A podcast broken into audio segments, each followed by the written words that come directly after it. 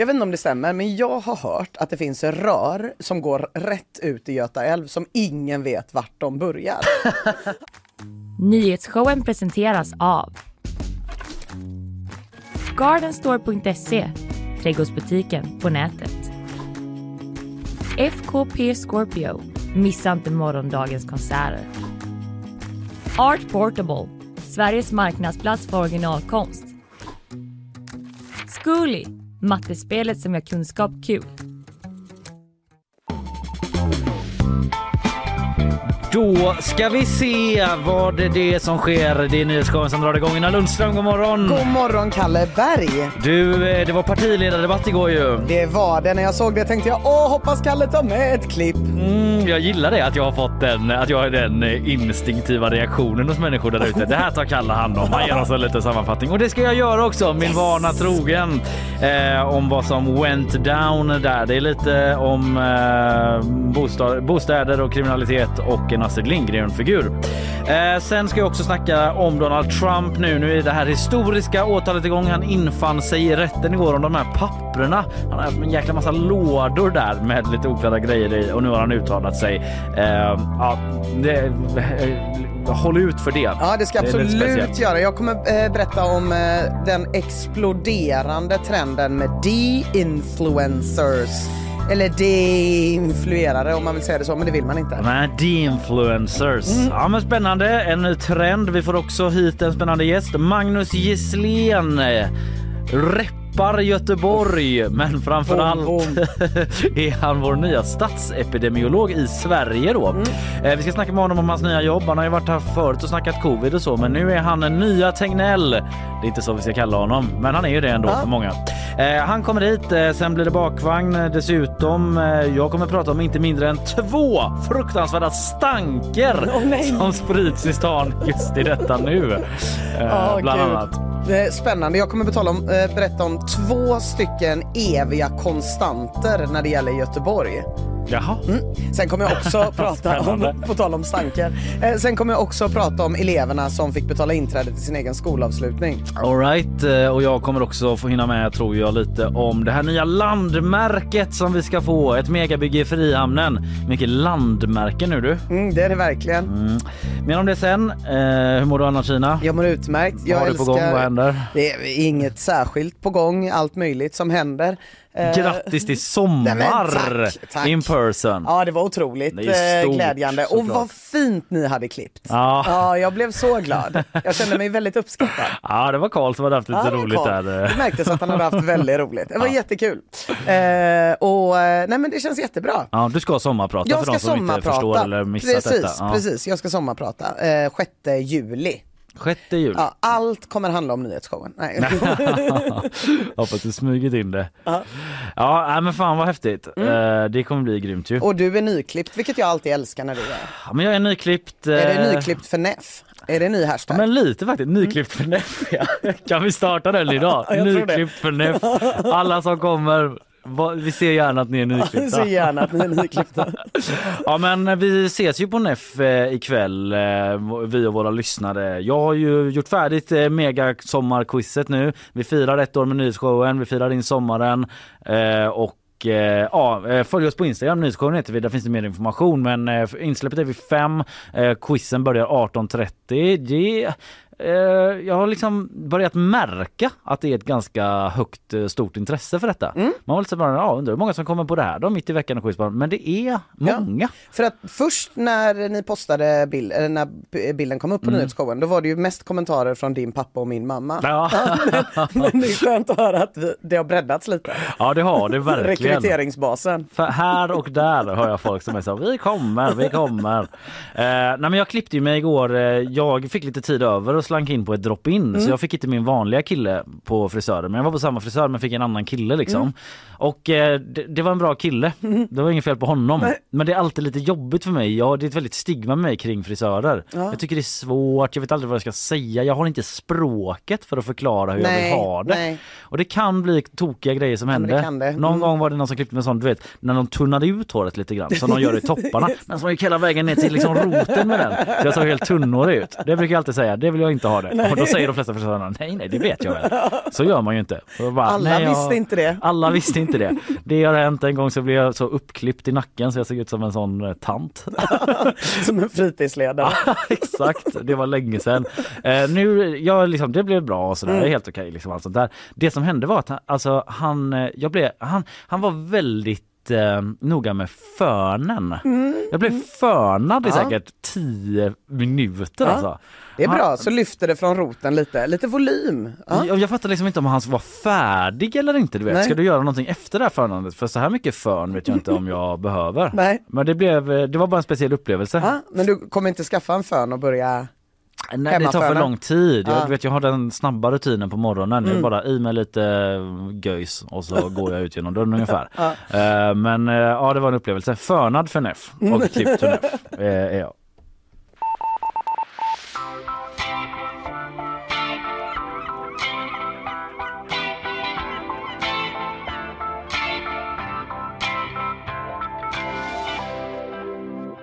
Partiledardebatt, det var det igår. Alla var där. Nooshi, Jimmy, Perrabe, Uffe K, JP och D-Rock. Hela gänget. D-Rock? Ja, Muharrem Demirok. ja, okej, okay. ja, det borde jag ha hängt med på. D-Rock, som jag kallar honom. Eh, JP Johan Persson då förstås. Uh -huh. Hela ligan och min vana trogen då så ska jag göra en grovhuggen sammanfattning av det hela. Den stora frågan som jag tänker fokusera på inledningsvis här, det var ju våldet och kriminaliteten. Vi har haft en ny våg av eh, skjutningar, inte minst den i Farsta då som vi pratade om i måndags här. Jimmy Åkesson han eh, pratade och han sa så här. Men alltså, nu har vi ju haft decennier av saft och bulle-politik. Det här som Magdalena Andersson pratar om, det här mjuka och fina, man ska vara snäll mot de som är kriminella och så. Eh, vi tror inte att det hjälper och jag hävdar att det, det, all, all erfarenhet visar att det hjälper inte, utan nu måste vi vara tuffa. Och att vara tuff, det är att bry sig. Att vara tuff, det är att förebygga brott. Ja, slut på saft och bullar. Ja. Nu tuffar vi till oss. Eh, och eh, det är ju så att, eh, att, tuff, att vara tuff, det är att bry sig. Så om du eh, tänker tillbaka på alla som har tuffingar i skolan och så, mm. så är deras enda brott det är att de bryr sig för mycket. Nej, men eh, det där med saft och bullar, det är någonting man har hört innan, ja, eh, särskilt i så Twitter-svängen. Nu får det vara slut på det här med saft och bullar, att man ska vara snäll mot kriminella. Mm.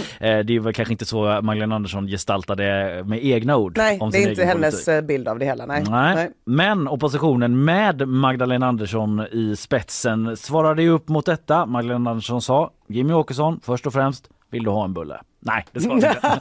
Utan eh, hon eh, eh, hängde på det här som Polisförbundet var ute med i veckan, nämligen ett krav om att regeringen borde tillsätta en nationell kriskommission om gängkriminaliteten. Regeringen eh, har inte varit så pigga på det. Eh, de har andra idéer, men så här sa Magdalena Andersson till SVT eh, om det? Ja, men det är olyckligt. Jag sa ju redan före valet när jag var statsminister att jag tyckte vi behövde en nationell samling för att öka tryggheten eh, i vårt land. Och hade jag fått förnyat förtroende som statsminister då hade vi redan haft en sån här kommission som arbetade. Well, det fick du inte Magdalena då. Men du hade lite tid på det innan. Jajamän, men hade hon haft det förtroendet då jävlar hade det blivit kriskommission. Tyvärr. Men kommissionstid fanns ju ändå vill jag ja, ja. säga. Jo visst, det sköts ju även innan eh, valet. Det gjorde det. Eh, så här sa Ulf Kristersson då, the man in charge om kommissionen. Jag tror att nya möten och sammanträden och nya utredningar, det är inte det som behövs nu. Det har vi prövat under många år i Sverige med alldeles för klent resultat. Nu genomför vi stora förändringar. Däremot är vi helt prestigelösa om det är något parti eller för den del Polisförbundet som har konkreta ytterligare förslag. Lägg dem på bordet. Vi är helt öppna för detta. Det är de öppna för. Ja. Möten däremot Nej. har vi inte tid för. Nej. Inga möten. Även om det är polisen som säger vi vill jättegärna ha ett mm. möte. Alltså om man har ett Nej. konkret förslag så kan man liksom inte ta det på ett möte. Nej, måste man ha? Det är väldigt oklart. Direkt in med det konkreta förslaget. Inga möten, bara konkreta förslag. Nej, vi förstår vad han menar. Mm. Eh, under själva debatten då, det här var på en fråga från SVT eh, utifrån det Magdalena Andersson sagt då. Men under själva debatten så sa Ulf Kristersson så här om gängkriminaliteten. Men jag tror att vi ska vara klar för oss så att det här är alltså ett systemhotande problem och man måste vara väldigt, väldigt uthållig under en lång tid. Och då får man inte svaja, då får man inte börja prata om andra saker. Då måste man bestämma sig. Det här är ett överordnat mål framför andra saker och det, det har min regering bestämt sig för att genomföra. Mm, ett överordnat mål, det är systemhotade, mycket allvarliga saker. Eh, så eh, det är ju någonting som regeringen eh, lägger ja, men kanske allra störst fokus på mm. eh, i sin politik eh, och sina prioriteringar. Just nu då pratade Kristersson om det om kriminaliteten ja. egentligen. Eh, det var en lång debatt. Det var det. Så eh, se den i efterhand på TV4 då där den eh, var, om jag inte ens har sagt det. Eh, en annan grej som stack ut lite grann var när det blev syrlig ton kring bostadspolitiken mm. och i synnerhet om bostadsministern själv. Så här sa Vänsterpartiets Nooshi Dadgostar det det som är väldigt symptomatiskt tycker jag är att jag, jag, tror de flesta som tittar på det här inte ens vet vem bostadsministern är. Så lite har den här regeringen lagt på det här. Jag vet inte ens om alla här vet vem bostadsministern är. Shots oh, fired! Verkligen! Vet du vem han är? Nej! Absolut inte. Då har Ebba Busch en bra minnesregel för dig Ina. Eh, hon sa så här om Nooshis uttalande och om bostadsministern. Kan vi möta Nooshi Dadgostars eh, lite osköna härskarteknik här med att berätta Sveriges bostadsminister heter Andreas Karlsson. Bra minnesmärke, Karlsson på taket, Karlsson med tak över huvudet för våra unga. Karlsson med tak över huvudet för våra unga kallas han. ja, men en bra minnesregel där. Eller vad tycker du? Ja, det är jättebra. Nu kommer du komma ihåg Nej, att han heter Karlsson. Inte, för att Andreas Karlsson är ett omöjligt namn att komma ihåg. Så jag, jag, säger att jag vet ingenting om huruvida han har gjort någon anonymt avtryck eh, som bostadsminister. Jag säger bara att Andreas Karlsson det är ett uppförsbackenamn. Ja, men det kan jag Och absolut att jag kommer komma ihåg att han heter Karlsson. Men det kommer ju bli Anders. Ja, mm. Anders Karlsson. Han dök faktiskt upp själv i studion efter debatten och sa eh, så här då. Karlsson, Karlsson, hoj här kommer Karlsson. Hoj! Som sätter bostäder över huvudet och tak över huvudet på de unga. eh, nej, men han uttalade sig på Twitter mm. och han skrev Nooshi Dadgostar bjuds härmed in på en kopp eh, kaffe på departementet så, hon, eh, så ska hon få reda på vem som är bostadsminister i Sveriges regering. You heard? Så i vissa sammanhang så ska man inte ha saft och bullar men i andra sammanhang så är fika lösningen. Men man okay, representing. My name is my name. Här är bullar, här är saft. My name is on the streets in the valdebatt, eller inte val men debatt. Eh, och han fortsatte sen med lite, mm. lite syrlig ton själv faktiskt som jag eh, väljer att musiklägga lite då. Frågan är väl om hon kan räkna upp alla som var bostadsminister i de regeringar som hennes parti gav stöd till. Karlsson! Karlsson! Sen bara moonwalkar han ut i den här. Karlsson! Can you dig it? Can you dig it? Ja. Eh, och det, det kanske hon kan.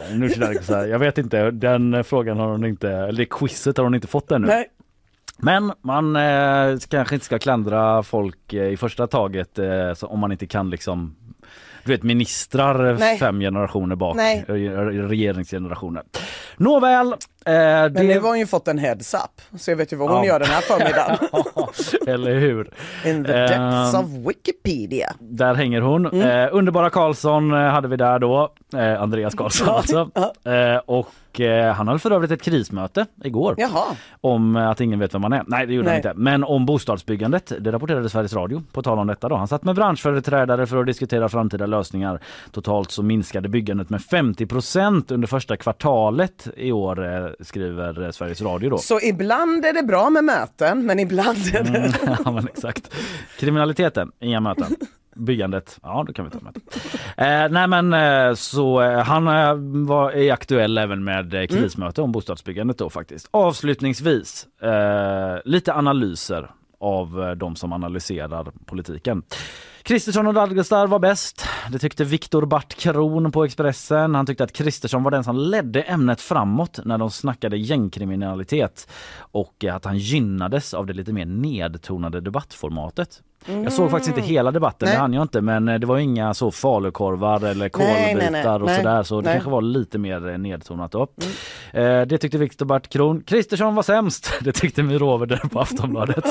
eh, hon tyckte att Ulf Kristersson och eh, Magdalena Andersson var blekast då och att Jimmy Åkesson och Per Bolund var de som presterade bäst. Bart Kron tyckte även att Dadgostar, Nooshi Dadgostar, ja, men fick briljera när hennes favoritfrågor då om bostadsbrist och marknadsskola eh, kom upp och dessutom skattekvoten där hon kunde eh, gå på en lättprovocerad Johan Persson som Viktor Bart Kron uttryckte det då. Okej. Mm.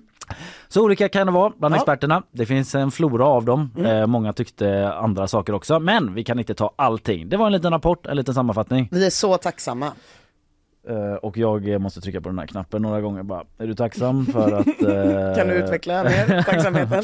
Nej, jag är nöjd där.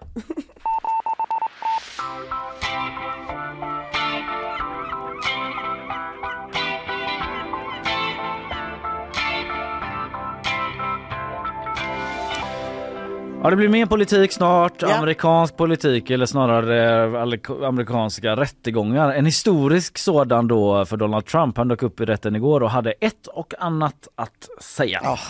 Eh, först lyssnar vi på våra sponsorer. Nyhetsshowen presenteras av Gardenstore.se, trädgårdsbutiken på nätet. FKP Scorpio, missa inte morgondagens konserter. Art Portable, Sveriges marknadsplats för originalkonst. Zcooly, mattespelet som gör kunskap kul. Ja, jag säger det igen. Nefertiti 18.30. Då ska min quiz börja där. Insläpp redan 17. Var i tid eller chansa och eh, var inte i tid. Det är de två valen ni har. Eh, men, Men eh, var nyklippt. Exakt. Eh, Isabella Persson, God morgon. vad tycker du om min nya frisyr? Jo, jag tänkte på den i morse. Han in, hade inte tid att berömma den, men den var jättefin. Tack så jättemycket. Tack så jättemycket. Du, du är ju inte här för att eh, frågas ut om eh, min frisyr. Eh, Nej. utan du är här för att ge oss nyheter. Eh, jag lä- lämnar över till dig. Tack. Varsågod. Den man i 25-årsåldern som hittades stucken av ett vasst föremål i Malmö har avlidit av sina skador. Det var strax innan midnatt igår som händelsen inträffade och när polisen anlände så ska det varit stökigt på platsen och man fick inleda en stor insats. Brottsplatsen har nu spärrats av och man har inlett en förundersökning om mord men än så länge finns ingen misstänkt. Ryssland har i natt attackerat hamnstaden Odessa, det rapporterar ukrainska myndigheter. Det ska röra sig om en attack med kryssningsrobotar och flera personer ska ha skadats och minst tre civila rapporteras ha dött. På sociala medier cirkulerar bilder från Odessa där man bland annat kan se en snabbmatsrestaurang med stora skador efter attacken. Räddningstjänsten larmades under natten till en adress i Kungälv efter att flera bilar börjat brinna. Totalt ska 19 bilar brunnit och vissa av dem ska ha blivit helt utbrända. Händelsen utreds som grov skadegörelse genom brand men ingen är i nuläget gripen. Nu under morgonen har polisen försökt jaga ut en älg från centrala Göteborg. Vid halv fem-tiden i morse fick de in larmet om att en fjolårskalv irrade runt längs Heden och Avenyn. Jägare har också tillkallats för bedömning men polisen betonar att avlivning är sista utvägen. De håller på att jaga den i detta nu alltså vad vi Ja, vet. det verkar vara så fortfarande igång. Jag såg en bild på gp.se när den sprang genom eh, allén där. Nej, men, Tyckte jag det såg ut som. eh, Kungsparken heter det Ja, va? pedagogen runt det där där liksom. ska det inte vara. Nej, nu var den senaste uppdateringen i Landala hörde jag. Alltså det är tufft för djuren nu. eh, Deras eh, biosfärer minskar allt mer. Mm. När de är inne i stan. Urban moose. Man vet när de kommer till Landala att då är det illa. Ja, svårt för polisen ändå. Jaga ut en älg. Vad ska man göra? Ja, skjuta Det varningsskott. känns Liksom. också som att så, stackars Elin, eller så, att de antagligen jagar med bort med bil och sådär. Att man liksom... Ja, så typ risken är ju också att den springer rätt ut framför en spårvagn eller någonting. Så man Ja. måste ju jaga den men med liksom ett gott omdöme. Verkligen. Ja, med riskanalys. Ja, och hur Känns gör man Ja, jag det? vet inte. Ja, vi kanske kan, eh, det hade varit kul att få hit någon av de eh, poliserna som är med i själva jakten som kan berätta. Känns som de har annat för sig just nu. Jo, jo, jag tänker senare. Men absolut, absolut. Eh, hoppas det går bra med det där då. Eh, Isabella, tack ska du ha. Tack.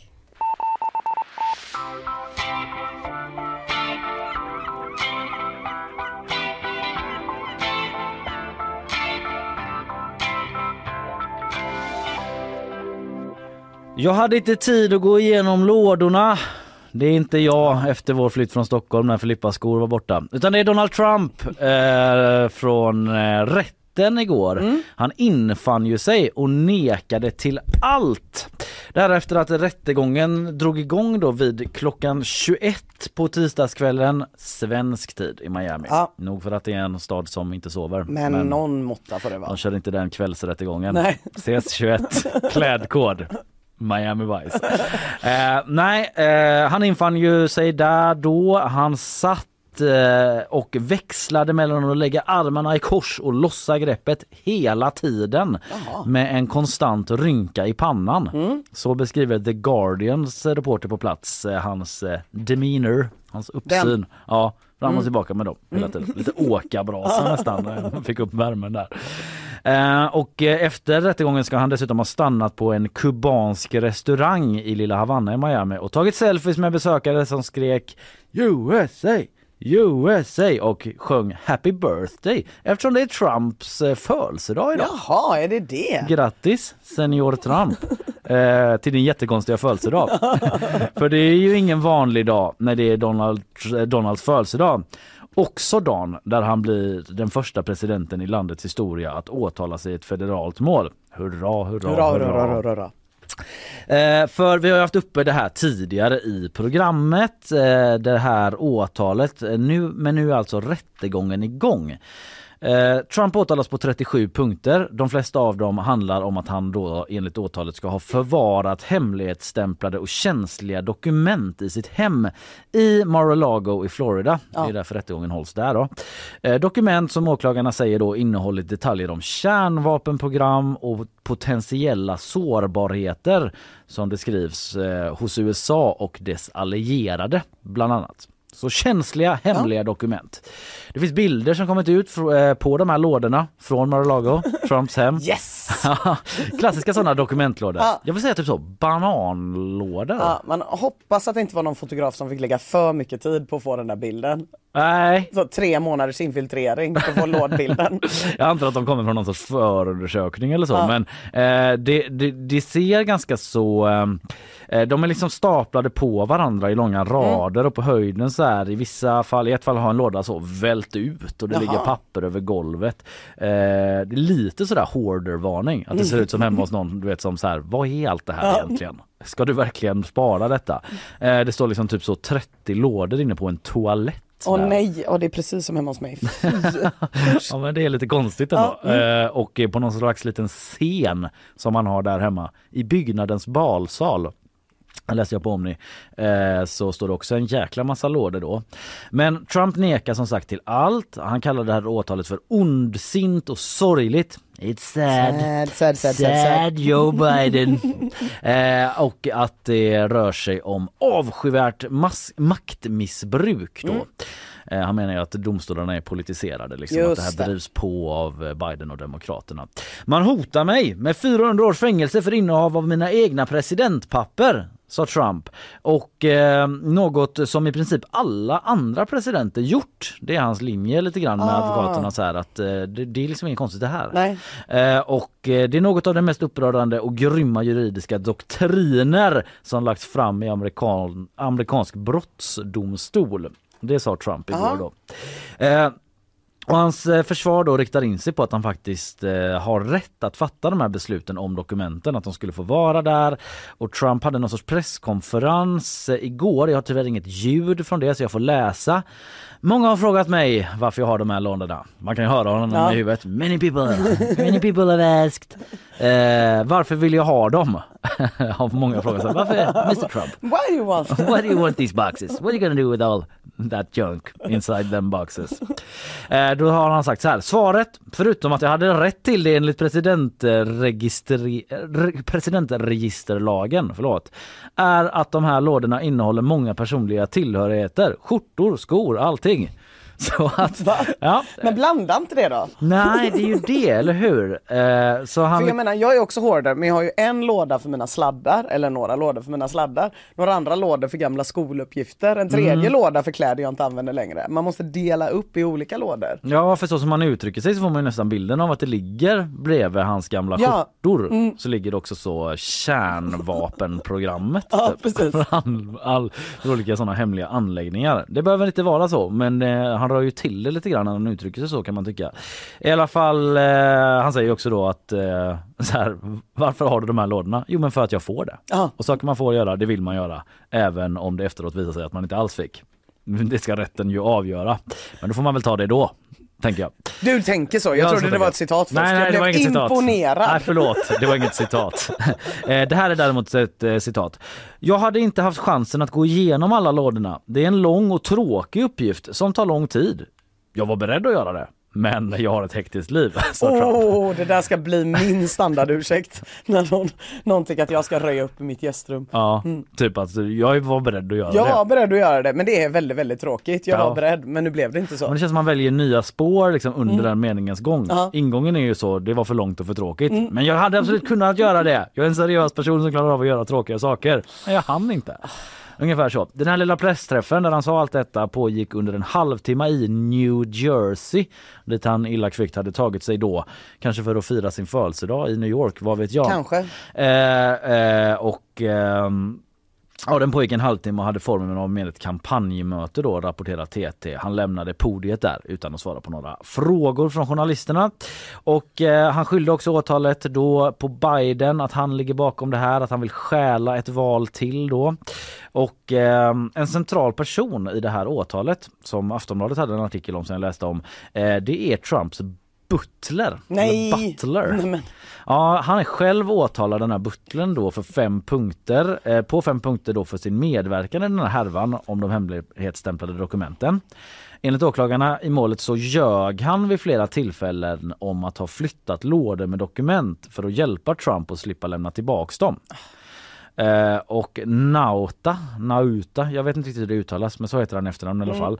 Kunde inte förklara sig oskyldig heller under den här förhandlingen eftersom han inte hade en lokalt baserad advokat med sig. Det är någon sån juridik Ah, ja, som ja. gäller. Mm. Eh, så det blir ny förhandling om, med, för honom om två veckor. Ja. Eh, och domarna har bestämt att de ska inte få prata med varandra, Trump och den här butlern. Men en stor fråga är ju då hur den här butlern ska agera. Han har ju möjlighet att liksom kanske kasta Trump under bussen Just då. det. Flip som de brukar säga. En annan stor fråga är ju varför man inte bara kallar det för personlig assistent och sen kan du ju göra samma sak som en butler Mm. men du ändå envisas med att använda titeln butler. Det är en annan fråga, absolut.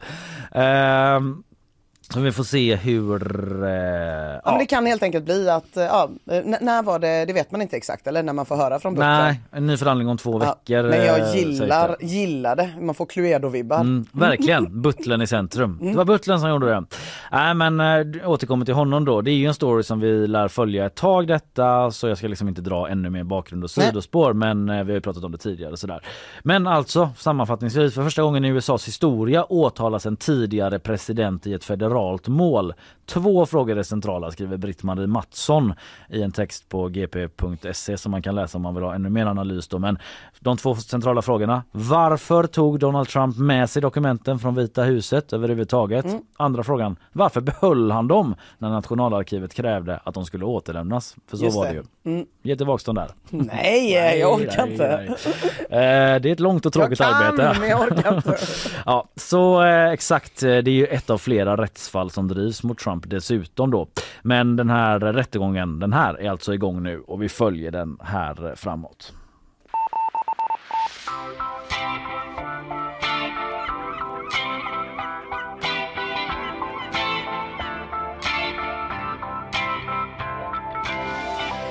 Jag kallar CNN, de rapporterade häromdagen om fenomenet de-influencers som är en trend som exploderar. Har du hört talas om detta? Alltså jag såg det i en rubrik Ja. typ igår Ja. eh, men inte mer än så. Jag bara Nej. såg ordet och försökte läsa det typ tre gånger. De-influencers, ja det är lite svårläst. Men jag hann inte med att fördjupa mig i det alls. Förstår, men du vet vad en influencer är? Ja men det vet jag. Mm, folk som jobbar med att få dig att köpa Mm. saker. Eh, har du köpt någonting för att en influencer har sagt åt dig att göra det någon gång? Alltså inte vad jag vet men Nej. jag tänker att de jobbar lite så att man undermedvetet blir Mm. påverkad mot det. Men nej, jag, jag skulle ändå svara nej. Ja, ja men det, det, det är mycket möjligt. Mm. Eh, Du är i så fall ganska unik tror jag. Tack. I en undersökning som Facebook har gjort säger 87% att de har börjat följa ett varumärke eller besöka någons hemsida eller köpt någonting efter att ha sett en kampanj på sociala medier och det är oftast kampanjer via influencers Ja. ska sägas då. Alltså jag har ju köpt grejer via så här, typ att jag har köpt eh, en grej via så ett Seinfeld-konto. Jag vet inte om det räknas som influencers. Men du vet en Ah, person på Instagram som bara lägger upp massa. Seinfeld-klipp och sen bara by the way här är mina t-shirts som jag har gjort Just med The det. Mackinac Peaches. Ja. Den köpte jag. Ja just det, ja, men det skulle man kanske kunna kalla det. Ja, jag vet inte. Det är bara en möjligt. influencer som tilltalar mig typ. Ja. Men, Ja men jag är väldigt svag. Jag, Mm. jag köper så mycket och tittar så mycket på influencers. Mm. Eh, allt från brädspel till bergsprängare till svindyra sminkborstar från Japan klickas det hem när någon förtroendeingivande person säger att den här är riktigt bra. Eh, men de-influencers då, liksom, de lanseras ju som någon slags antites då till sådana här konsumtionshetsande Mm. influencers. Och på ytan så kanske det stämmer då, influencern försöker få dig att köpa massa skit, de-influencern försöker få dig att inte köpa en massa skit. yin and yang. Yin and yang. Och den här eh, grejen är allra störst på TikTok, då framförallt på TikTok som handlar om mode, skönhet och livsstil, det vill säga tjej. TikTok. eh, och den här de-influencer-trenden den har växt paras- eh, parallellt med två andra fenomen. Och nu får du hålla lite i din nyklippta frisyr. Mm, recession core och mascara gate. Eh, recession core börjar vi med, det är väldigt enkelt att förstå. Det är ju då eh, estetik anpassad till lågkonjunkturen som Mm. vi är i. Lite Återigen min frisyr. Din frisyr, precis. Det är lite mer nedtonat, det är Ja. inte så mycket smycken, det är t-shirt, det är byxor och det är mycket snack om slow fashion istället för fast fashion. Fast fashion är ju H&M, Zara, Ja, just de här det. stora kedjorna. Det har ju rapporterats bland annat om återvinningen eller bristen på återvinningen Mm. av de Ja, kläderna. det pratade de om här igår ja. Just det, det det är slit, det är släng, det är nya tre, tri, ehm, trender hela tiden, pressade ledtider och det här modet då, fast fashion, det gynnar ju influensen och influensen gynnar det för att en influencer behöver ju nytt content hela tiden. Mm. Det går ju inte att prata om Levi's 501 bara. ja just det. Köp dem så är du sett sen. Hej. Exakt, hej då. Det var allt för mig. Ja. Eh, och slow fashion då, motsatsen, kvalitet framför kvantitet, hållbara material. Tänk lite så, riktig överklass, lite succession, gamla pengar. Det kan se väldigt enkelt ut liksom. Och deras kläder känns ju ofta väldigt opåverkade av typ trender. Mm. Det är så här, åh den där t-shirten den hade liksom din farmor. Ja, så ja. visst, den kostade 60 000 att köpa en gång i tiden men nu är vi nere på så en cent per gång. Eh, och det här då modet som ska vara det här nedtonade recession core, det har blivit superpopulärt. Men tyvärr blir det ju inte så när medelklassen ger sig in på överklassens område att det blir sådär självsäkert. Nej. Utan det blir väldigt ängsligt. Ja. Så man bara springer ut och köper slow fashion och recession core i överflöd och dönar i sig. Eh, så folk har liksom redan börjat se över sina konsumtionsvanor lite kopplade till de här fenomenen och då kom det ett hårt slag mot influencerkulturen. Mascara Gate. Ah, det började då med att en influencer, Mikaela Noguera, anklagades för hashtag lashlighting, som är då lite som gaslighting, men Okej. egentligen inte riktigt alls. Hon rekommenderade en mascara från L'Oreal i samarbete med L'Oreal. Hon sa att den var toppen. Klipp till, kolla vad fina mina fransar blev. Klipp till att sjukt mycket människor sa, men det där är ju lösögonfransar. Aha. Och det här skapade en diskussion, framförallt bland yngre TikTok-användare om att så här, fan, och det här kanske man vet om man är i vår ålder, men många yngre hade inte koll på att man kanske inte kan lita på allt de här influencersarna säger. Förtroendet tappades, så många tror liksom att de-influencer-trenden som har kommit, den är ett sätt för branschen att liksom ransaka sig själv och vara så här, nej men kolla man kan visst lita på oss. Och det har pågått framför allt då nu under året 2023. Hashtaggen de-influencing har nästan 700 miljoner visningar. Det är imponerande men det är lite svårt att greppa men då kan jag säga så här. Det är tre gånger så många visningar nu som det var i mars. Okej, så det ökar Det väldigt ökar mycket. rätt Ja, jävla fort. Och anledningen att jag vet det är för att jag läste en text i GP som Caroline Heiner skrev Mm. eh, i eh, en debattartikel. De-influencing är en bluff, menar hon. Mm, det menar hon ja. Ja, hon berättar om tidningar som liksom Huffington Post och Fortune som säger så här, ja nu kommer den, nu förkastar de konsumtionskulturen kidsen, nu Men- jävlar, alla är- lyssnar på Greta. Är det liksom samma influencers som var vanliga influencers som nu har blivit de-influencers. de-influencers? Ja, det är Okej. inte alls ovanligt. Jag har förstått att man måste skala ner på konsumtionen. Precis, Ja. precis. Men det kanske inte är så mäktigt att stå med diamantörhängen när folk inte har råd med käk. Mm. Köp inte dem. Men kanske köp något annat istället. Ja, Det är det som är ha. Mm. problemet. Eller som Caroline Heiner skriver då, de-influencing det är varken antikonsumtion eller revolutionerande. Det är bara en ny version av influencers. Hon menar liksom att de kritiserar en produkt men säger Mm. i samma andemening köp det här istället. Lite som när alla skulle plastbanta. Om du kommer ihåg det? nej, det vet jag Nej, inte. det var några år sedan när det var så här, nu ska alla plastbanta, släng all plast, varenda Aha, bytta, varenda släp. just det. och sen går du och köper nya i glas och stål. Då blir det ju ändå bara jättemycket mer in, eh, konsumtion ju. Ja. Eh, så Caroline Heiner tycker så här, nej eh, det verkar som att konsumenterna drar det kortaste strået här och det är ändå företagen som vinner i slutändan.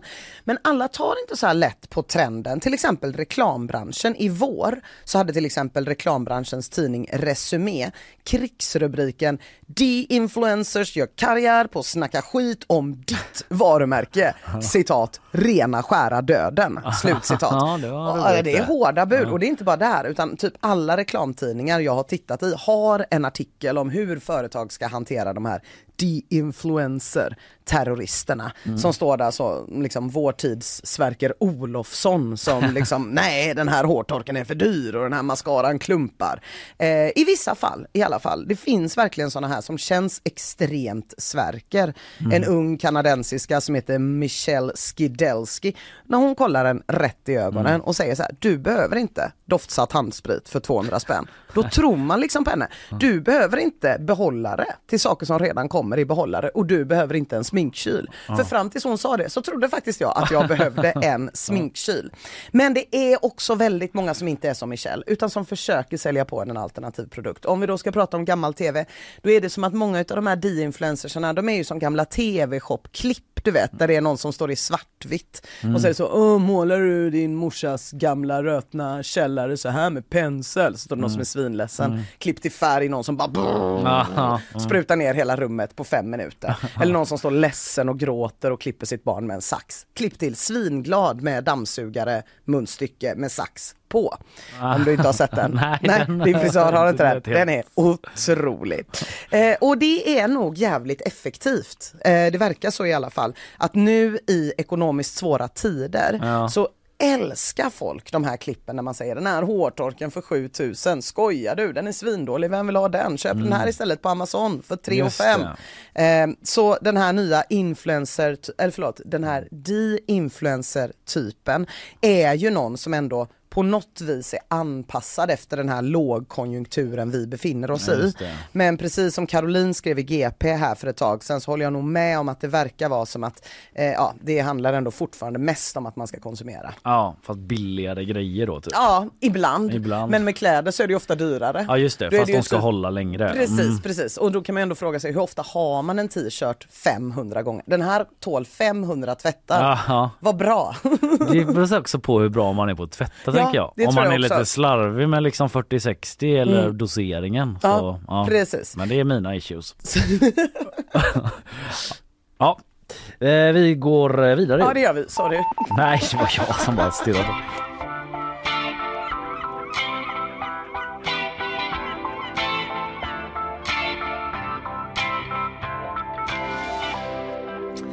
Om en stund så kommer Magnus Gisslén hit. Gött. Han har varit här förut men sen dess har det hänt någonting. Det har Han det. har blivit den nya statsepidemiologen. Boom boom. Det är han som tar över efter Anders Tegnell. Eh, och vi ska snacka med honom om det, om hans nya jobb helt enkelt. Först sponsorer. Nyhetsshowen presenteras av Gardenstore.se, trädgårdsbutiken på nätet. FKP Scorpio, missa inte morgondagens konserter. Art Portable, Sveriges marknadsplats för originalkonst. Zcooly, mattespelet som gör kunskap kul.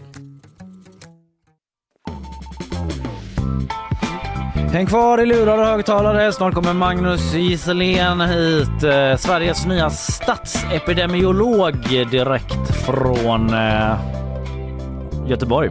Sveriges enda. Medicinarberget tänkte jag säga. Så Ja. blev jag så här, han sitter kanske inte där uppe. Karl skakar på huvudet. Klassisk fördom. Ja, förlåt. Unket av mig. Ja. Men häng kvar ändå. Jag ska bättra mig. Nyhetsshowen live från GP-huset 14 juni, onsdag. Ina Lundström, Kalle Berg är det som är i studion. Men vi är inte ensamma här. För två veckor sedan kom beskedet. Vi har fått en ny statsepidemiolog här i Sverige. Vi släng- slängde oss såklart på luren direkt och försökte få in hit honom till eh, studion. Men han har ju varit ganska upptagen. Men nu är han hos oss igen. Det är vi glada för. Välkommen tillbaka till programmet. Magnus Gisselén, god morgon. God morgon och tack så mycket. Du, eh, grattis till nya jobbet. Tack ja, så hemskt mycket. grattis! Ja. Hur, eh, hur, hur, det blev offentligt för några veckor sedan. Ja. Hur har de veckorna varit? ja, det blev faktiskt mer uppmärksamhet än vad jag någonsin kunde tro kan jag säga. Så första dagarna där var det väldigt mycket både från press och så men också många kollegor och bekanta som hörde av sig. Så det, men positivt så har det varit väldigt trevligt. Är de sådär, eh, oj oj Magnus nu är du inne på en resa här liksom, ta det lugnt. fa- Farlig väg. Nej, nej, det har varit väldigt positivt faktiskt. Så det, och det är klart att det, nej, men det, känns, det känns jättebra nu. Ja, Mm. jag menar hade du tillträtt den här rollen för kanske 6-7 år sedan så hade det inte blivit sånt ståhej. Men nu är vi ju efter en pandemi och allting Mm. här. Eh, med det i bagaget var det självklart för dig att tacka ja. Man vet ju att det kan bli ganska hett om öronen. Det var absolut inte självklart att tacka ja, men inte av den anledningen. Jag är inte rädd för att det blir hett om öronen kan jag säga. Men, men däremot så är det så att jag har ju ett jag har inte tänkt byta arbete. Jag har trivs jättebra med det jag har gjort och det jag gör. Så att det, var, ett- det är ett stort steg faktiskt att, att byta till någonting annat. För du har jobbat eh, där du gör nu. Eh, läste någon artikel, liksom, du har aldrig bytt jobb. Nej, det är nästan pinsamt att säga Nej, det här vill jag höra allt om. Men sen det är klart, sen jag, sen jag blev färdig läkare och så började jag på infektionskliniken. Jag var inte ens legitimerad när jag började där.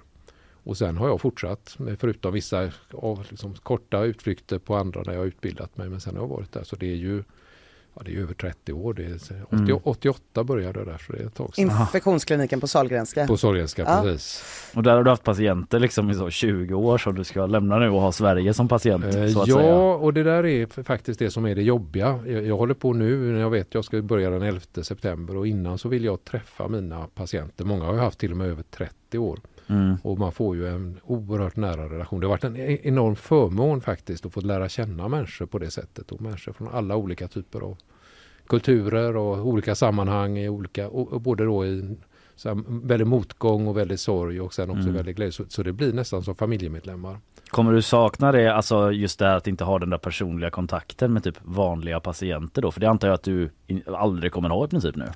Nej, aldrig ska man inte säga, men i fall inte den närmsta tiden Nej. blir det inte så. Och det, det är det, jag kommer sakna det och jag, det, känns, det känns ganska tungt får jag säga. Mm. Men sen är det klart, det, det är ju så att det, nu är det något annat och då så är det tvunget att bli Mm. på det sättet. Du kanske saknar alla sådana krishanteringsplaner och sånt? Om Kanske. du byter jobb igen Kanske, sen. ja. som du måste lägga och sånt.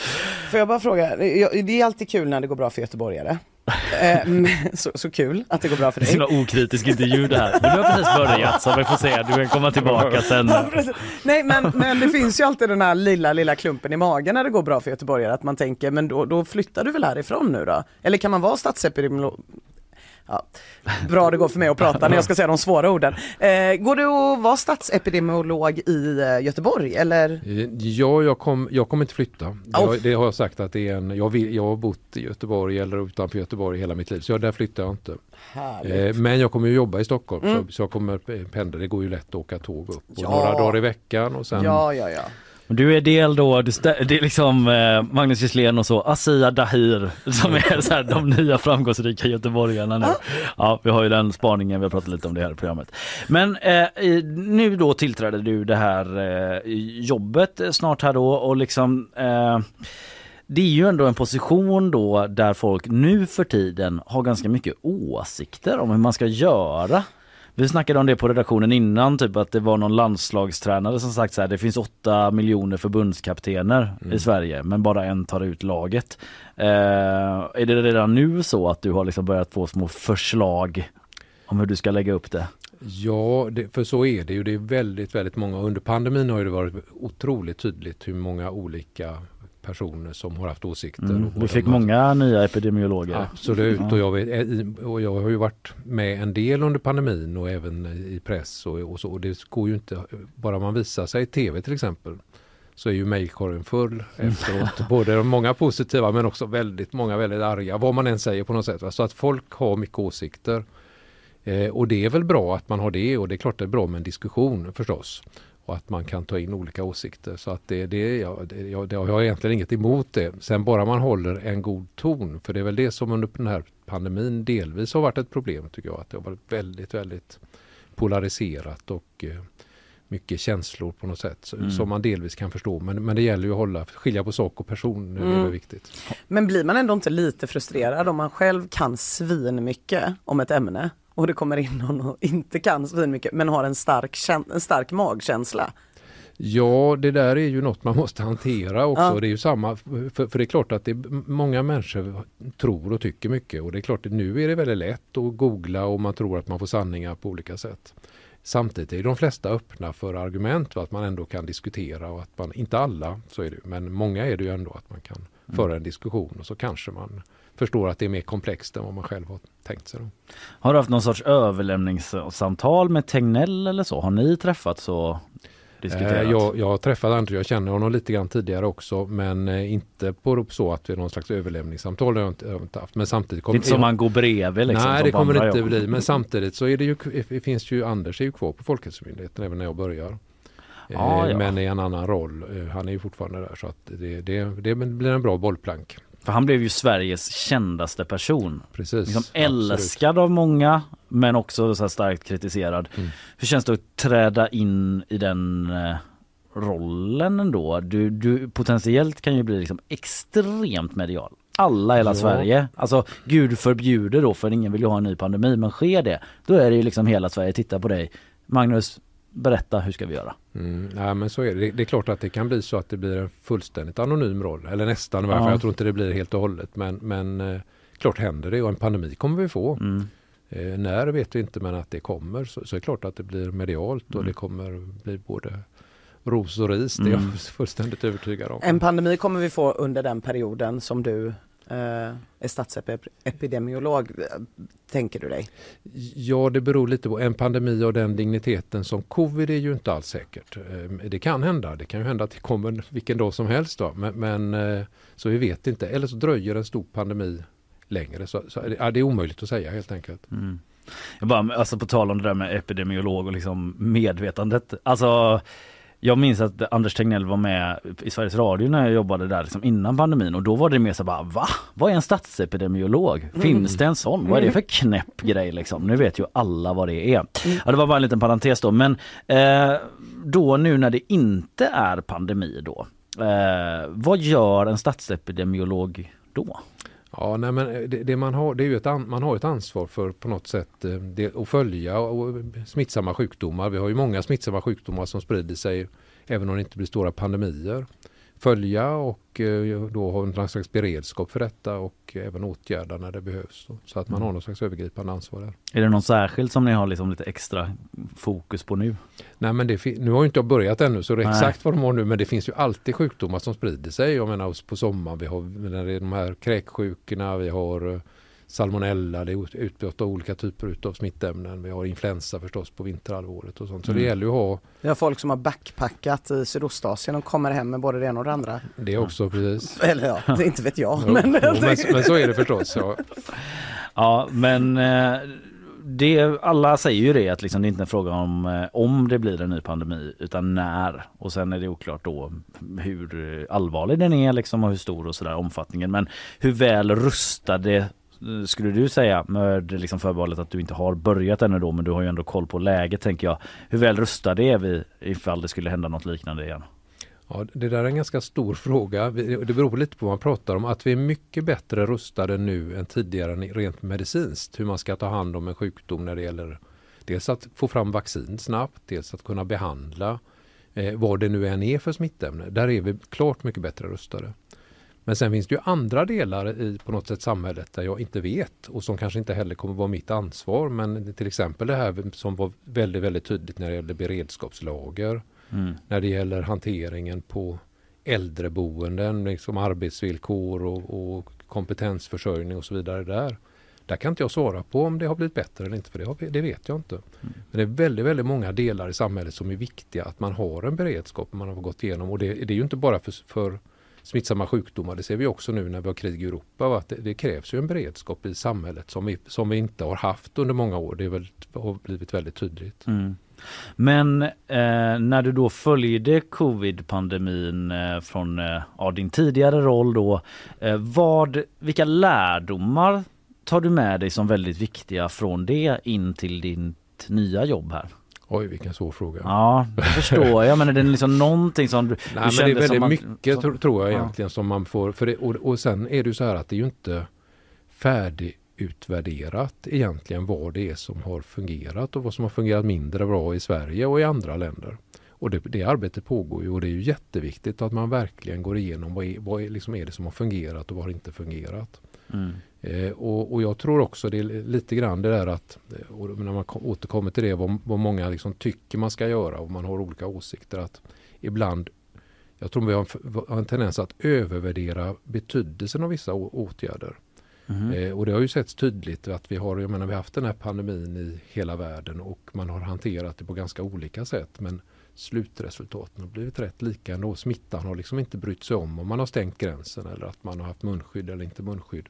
Det kan påverka men det är inte så att det är avgörande att det blir man kan bryta en pandemi med de här åtgärderna utan de påverkar och det är viktigt men det är inte så att det liksom är man övervärderar ofta konsekvenserna. Mm. Ja, den här gången i alla fall. Nästa gång kanske det är jätteviktigt med munskydd, eller? Så kan det absolut vara och det är ju det som är så viktigt. Vi vet ju inte vad det är för smittämne som kommer heller. Det kan ju vara något som vi överhuvudtaget inte har tänkt på. Ja. Så att det kan ju vara väldigt olika. Eller så har munskydd absolut ingen effekt. Va? Så att det är klart att man måste ju vara förberedd på, på olika scenarier. Alltså t- både Tegnell och du känns ju väldigt trygga personer. Liksom. Ja, vänligt sagt. Ja, Ja. nej, men, måste man vara det om man är statsepidemiolog? Ja, det vet jag inte men jag tror det är viktigt. eh, För mig är det viktigt att dels att man har, eh, liksom ve- vet vad man pratar om, man har den här vetenskapliga bakgrunden. Man, eh, liksom det man säger ändå är underbyggt. Så att man kan stå för det. Och sen behöver man ju vara trygg i förstås i det man framför. Att man, Ja. att man vet att det är korrekt. Sen kan man ha fel. Mm. För så är det ju. Det är väldigt lätt att så att säga, efterhand säga vad som ska göras. eller, Mm. Eh, Men, men det, och då måste man kunna ändra sig också. Men jag tror att det är viktigt att man ändå, dels att man kan vara trygg i det man säger och också att man kan framföra det på ett sätt som gör att människor kan känna någon slags förtroende i det. Just det. Går det att sia någonting, jag förstår att det är en svår fråga, men eh, om hur nästa pandemi skulle kunna se ut då när man ändå pratar om det? Alltså är det någon särskild virus eller sjukdom som man eh, är mest, mer eller mindre mer trolig? Ja, det kan man nog säga att det är. Och det är klart att det vi har sett under pandemier tillbaka i historien det är ju att det har varit väldigt mycket luftvägsvirus. Och då influensa har ju dominerat olika typer av influenser. Men då också coronavirus nu som det vi vet ju att fladdermöss har massor med olika virus som de inte blir sjuka av. Bland annat många coronavirus och många av de här coronavirusen skulle kunna spridas till människa och ge en Mm. ny pandemi. Så att det, eller så är det något helt annat virus. Det finns ju många andra virus. Vi har sett till exempel då med det, sån här monkeypox va, eller mpox som ju aldrig blev någon stor pandemi men det fick ändå en spridning nu nyligen. Ja, Och Apkopporna som de skrev, som man döper om Ja. har döpt om det sen. va. media. Mm. Som ju är, jag menar, alltså, det är det största, som säga, den värsta pandemin om man tittar i mänsklighetens historia, den som har dödat flest människor, det är ju smittkoppor.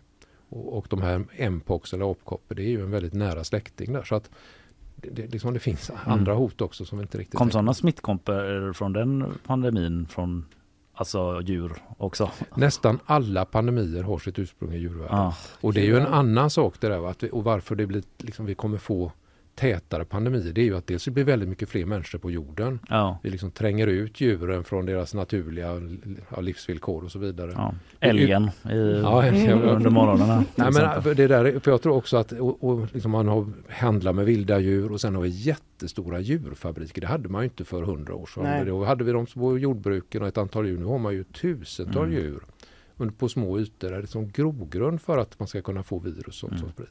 Så där måste man tänka igenom. Är det, så vi, det är många skäl till man ska Ja. tänka igenom det. Men är det verkligen så vi ska hantera det? Men kan man, eh, kan man också vara rädd eh, eller är det obefogat att vara rädd för sådana här zombievirus som ligger och lurkar i permafrosten och bara väntar på att det ska bli tillräckligt varmt i Sibirien för att sen ta över hela världen? Ja, det tror jag är överdriven. Ja, men tack. däremot så ska man ju vara, det, det, finns ju, det finns ju andra aspekter på det, men det är klart att det kan finnas. Vi vet till exempel sådana antrax, mjältbrand som kan finnas i. Det tror jag inte kommer ta över världen på något sätt, men man måste ju förstås hantera det med försiktighet. Mm.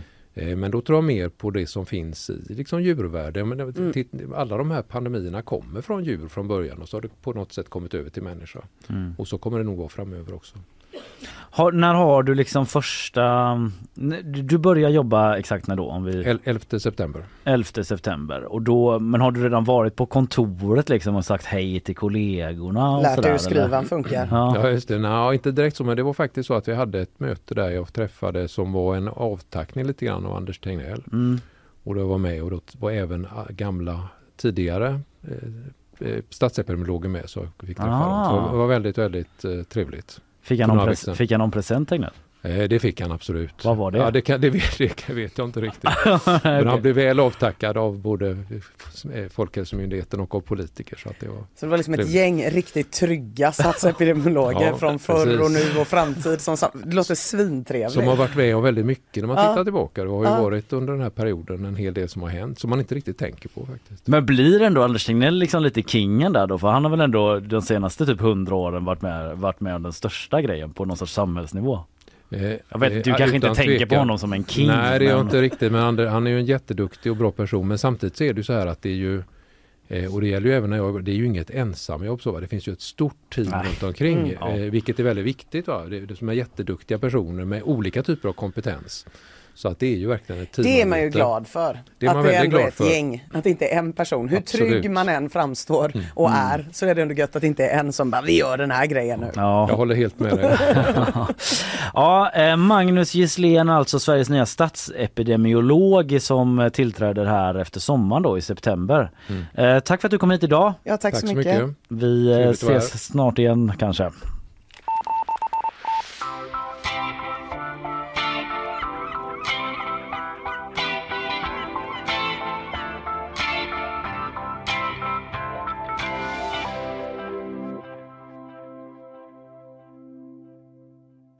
Ja, vi tackar av Magnus Gisslén här och eh, lyssnar på våra sponsorer. Nyhetsshowen presenteras av Gardenstore.se Trädgårdsbutiken på nätet. FKP Scorpio Missa inte morgondagens konserter. Art Portable Sveriges marknadsplats för originalkonst. Zcooly Mattespelet som gör kunskap kul. Ja, Magnus Gisslén var det alltså, nya statsepidemiologen. Eh, Det blev ju lite så ny på jobbet intervju mer sen eh, när... eh, Man får ju hoppas att han inte hamnar i för skarpa lägen. Det är ju ingen som vill. Gud ja, jag tycker bara att han kan komma hit och prata om hur bra allt går. Ja, Lite då och då. eller hur? Ja, precis. Han har inte flyttat till Stockholm men det går jättebra med alla sjukdomar. Ja, nej, men man kan ju se framtida scenarion där det kanske blir lite annan ton i intervjuerna. Ja, Men så än så vara. länge ny på jobbet och nyfiket intresserad av hur han tänker lägga upp det. Då. Eh, nyfiken och intresserad, eh, det är även av nyhetsläget eh, alltid och därför är jag glad över att Isabella Persson har kommit fram till mikrofonen. Ja, dags för en liten uppdatering. Ja det blir det och eh, jag vet att vi kommer få höra någonting om älgsituationen hur den ser ut. Men vi tar det efter svepet. Det gör kör vi. Först. Cliffhanger. Mm.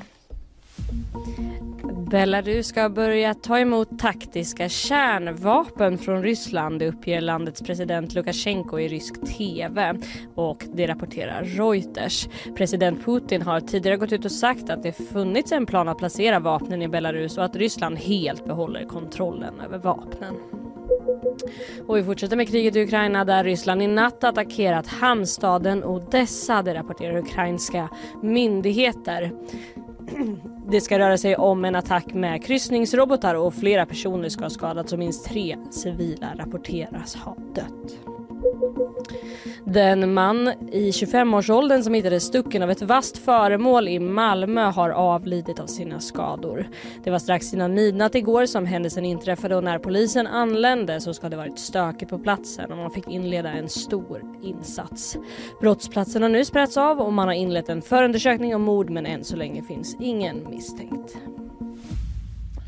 Tack för det. Och då till älgen. Till Ja, älgen, tack. tack. Älgen är tillbaka i skogen. Åh, skönt för skogen. Ja, och, och älgen. ingen jägare behövde blandas in. Hur Den gick, det klarade här, sig hur gick det här till Nej, då? men Vet den- man det? Nej men självmant så ska den ha tagit sig tillbaka i Den skogen. drog sig till skogs. Ja. Nej, det var ju, vilken solskenshistoria. Ja, fast det har också hänt en rolig sak. GP pratade med en cyklist, Katarina, som tydligen blivit attackerad av älg Nej, men- också i stan. Ja, Så Det var väl inte så roligt. Nej, förlåt. förlåt. Tillbaks till skogen med dig dumma älg. Men det gick bra för den antar jag. Ja, ja, det gick Ja. bra. Man Ja. fick slänga sig av cykeln. Nej, men- Ja. Och så fick hon ropa på polisen för hjälp. Ja, förlåt, det var inte så Nej, kul. men jag fattar, det är, ju en, det är ju en väldigt iögonfallande scen man spelar upp för sitt inre. Det är det att man verkligen. cyklar på cykelbanan mitt i stan så kommer en jävla älg Ja, och liksom. attack, gå till attack. Ja, Ja, det, det är ja. sjukt. Det, man förväntar sig kanske inte Nej, det gör man Det här- inte. Jag tror det var på allén, just där, vi, eh, där hade Ja, setts bakom Stora var- Teatern där. Ja, Okej. Först såg hon polisbilen, sen såg hon älgen. Mm. Skräcken. Jag som är lite smårädd för fiskmåsar när jag cyklar genom Brunnsparken. Tänk om det kommer en älg Ja, så då bökar där och försöker ta någons cheeseburgare. Som jag såg måsar göra. Det har jag berättat för många gånger i det här programmet. Jag såg det. Ta det inte igen. Ja, ja, slutet gott, allting gott tills vidare då. Älgen Ja. tillbaka. Katarina mår bra och älgen är tillbaka i skogen. Nature is healing.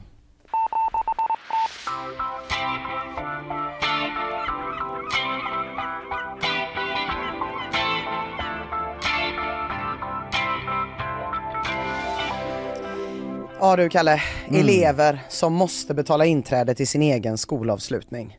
Ja, jag såg en rubrik om det. Det Ja. låter eh, närmast besynnerligt. Visst. är ett ord som dyker upp. Ja, vi får se om du tycker det är mindre besynnerligt när jag berättat för dig vad det handlar om. Ja. Eh, Det handlar om niorna i första hand då på Nolhagsskolan i Alingsås. Det här är trakterna nästan i alla fall. Ja, det är nästgårds. Mm. Eh, och det var Aftonbladet som skrev igår att niornas avslutning i Bamba kostar pengar. Alltså obs! Det verkar absolut inte handla om någon bal det här. Nej, Det är ingen nej, bal. är utan det är mer så festligt på dagen i Bamba. Okej, ja, det har man ju varit på. Mm, det har man ju varit på. Bamba-personalen kanske läckte ut lite serpentiner och satt flaggor i potatismoset och sådär. Eh, eleven och nian eh, Elvira Revelj i Nolhagsskolan beskriver det som citat Det mest speciella som händer det är väl att vi får lite cider till maten. Ja. Det låter inte så Ja, speciellt. men då vet man att det är kul i Bamba. Och då kan man fråga sig vad kostar det här? Ja. för, för det har man ju själv aldrig betalat för, kul i Bamba. Nej. Det var ju en standardgrej som bara hände. Hade betalt för det nu då. Ja, ja, nu, Längtar ja. ofta tillbaka till Bamba. Eh, Men eh, man får också tänka på att barn har väl typ 200 spänn i månadspeng när de är 15 eller någonting sånt. Så vad, vad, hur stor del av dem ska de lägga på kul i Bamba? 150 kronor per person då. tycker skolan. Eh, Och då hade redan varje klass ur sin egen klasskassa lagt tusen spänn per klass för att finansiera avslutningen som alltså ägde rum i Bamba.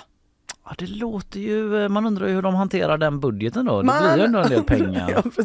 Vad är det för cider som serveras? Ja. Eh, för skolan ska ju som bekant vara avgiftsfri.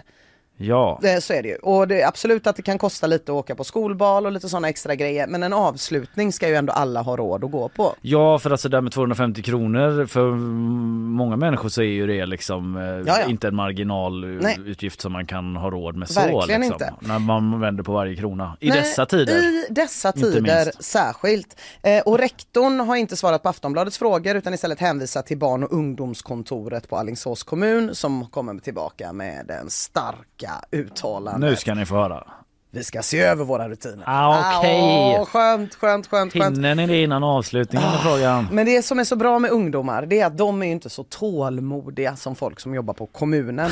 så Elvira och kompisarna de tycker att ingen ska ju behöva betala eller ännu värre då riskera att inte kunna betala i alla fall i år. Mm. Och klassen har ju som klasser brukar har tjänat in en hel del pengar i klasskassan för att göra en sista kul grej ihop. Och av de här pengarna de har samlat in så är redan tusen obligatoriska kronor gått. Öronmärkta för Öronmärkta för kul i i bamba. bamba. Elvira säger till Aftonbladet, 150 kronor det är mycket pengar. Vissa kanske inte kan betala och vågar säga det till handledarna. Så nu har vi bestämt att betala allas biljetter ur klasskassan. Så den sista roliga grejen för niorna som de har samlat till och sålt och haft kakförsäljning Ja. och tombolas och loppisar, det blev att finansiera sin egen skolavslutning i bamba. Slutet gott, allting. Inget Liseberg, Inget, inget. Liseberg, inget. Kanske en helg i Berlin.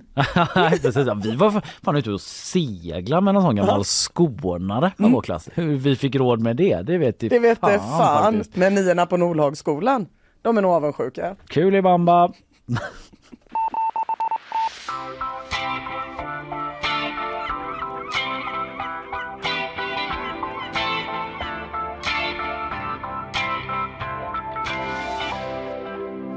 Jag och Carl minns tillbaka, vår bästa tid i bamba var väl kanske på gymnasiet. Ja, vad gick ni eh, på Hvitfeldtska, Schillerska? Hvitfeldtska. Hvitfeldtska. Schillerskas bamba ägdes ju av familjen Herrey och låg i en helt vanlig lägenhet.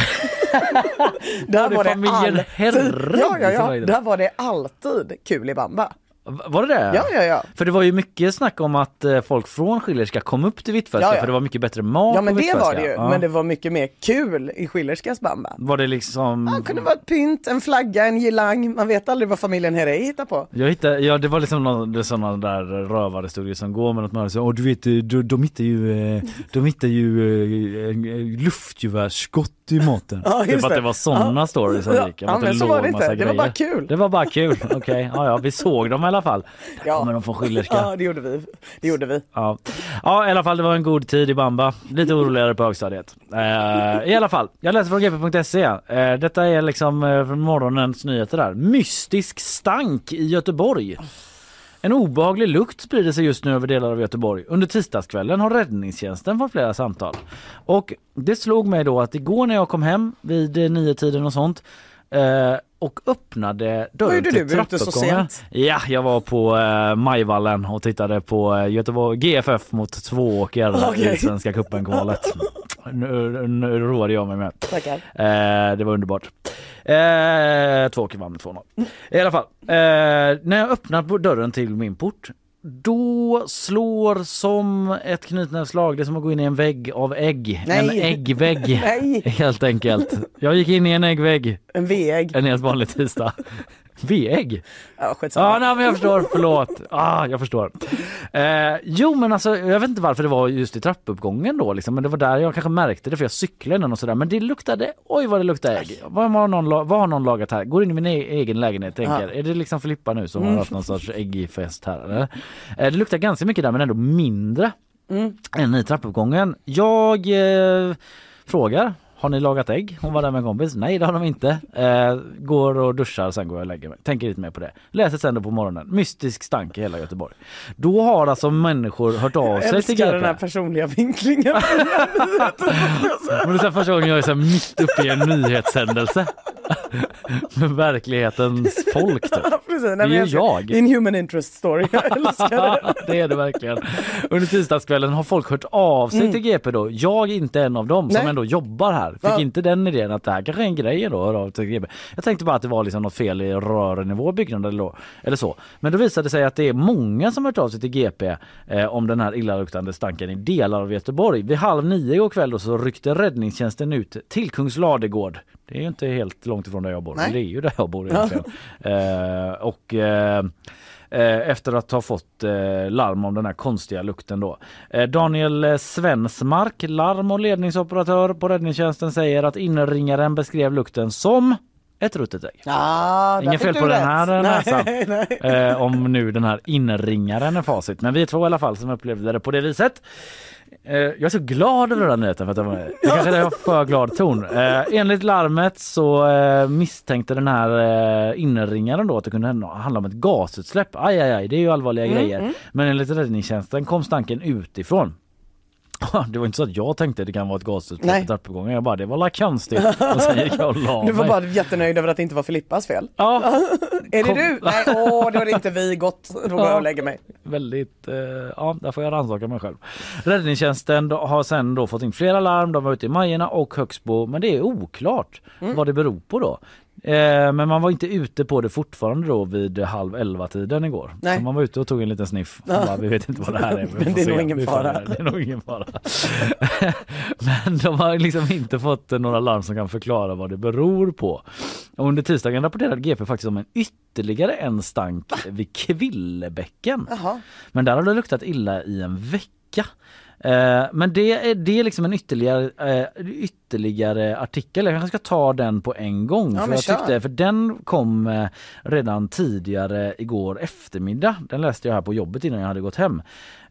Och vi vet inte om det finns någon koppling mellan de här två dofterna men på två eller två liksom nyhetsartiklar om eh, illaluktande dofter i Göteborg har vi. Den första då är Majorna Högsbo framförallt men det här då mystisk illaluktande doft plågar boende vid Kvillebäcken. Mhm. Jag vill gärna ta hela ingressen skriven av Mia Pettersson här på GP. Nedströms ungefär från Backaplan har Kvillebäcken blivit svart och illaluktande. Nu har kommunen skickat ut inspektörer för att lösa gåtan. Det finns en del spår, säger Gunnar Edlund, enhetschef på miljöförvaltningen. Vilken Ja. ingress va? Ja, det är otroligt. Det är otroligt. Hatten av Mia Pettersson. Eh, men alltså man ska ut med en inspektör där.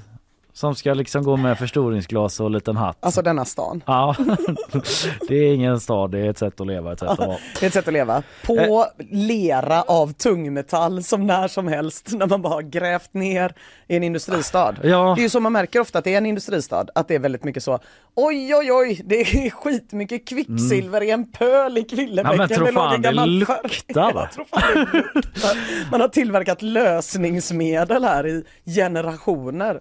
Men Mia har varit ute i Kvillebäcken Mm. och hon skriver så här, så, så eh, det slår en så fort bildörren öppnas på parkeringen bakom Backaplan. Stanken från Kvillebucken, äh, bäcken. Det luktar sopor. Nej, gammalt avlopp luktar det, säger Anders Svensson. Inte den Anders Mm. Nej, Svensson, den. Men en annan Anders Svensson som sitter och fikar vid ett bord vid Kvilletorget tillsammans med eh, lite släkt där. Och eh, han berättar att eh, det här är ett stort diskussionsämne i en Facebookgrupp för Kvillebor Mm. också.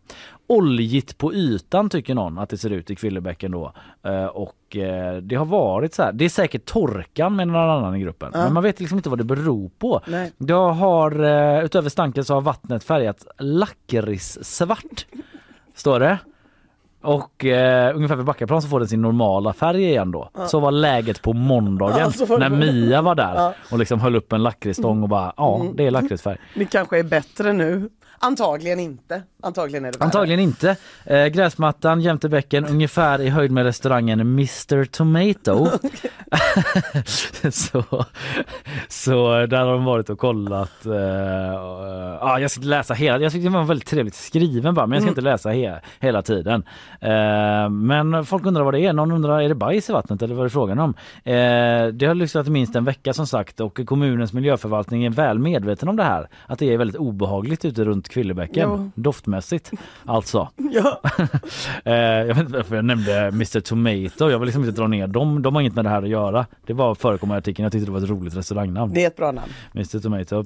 Eh, men eh, alltså så här, som jag preliminärt förstod det så är inte bygget en källa till detta säger Gunnar Edlund. För det pågår nämligen ett bygge i närheten här då. Men inspektörer som har varit ute och undersökt det här har liksom inte kunnat fastställa att det skulle ha med det att göra.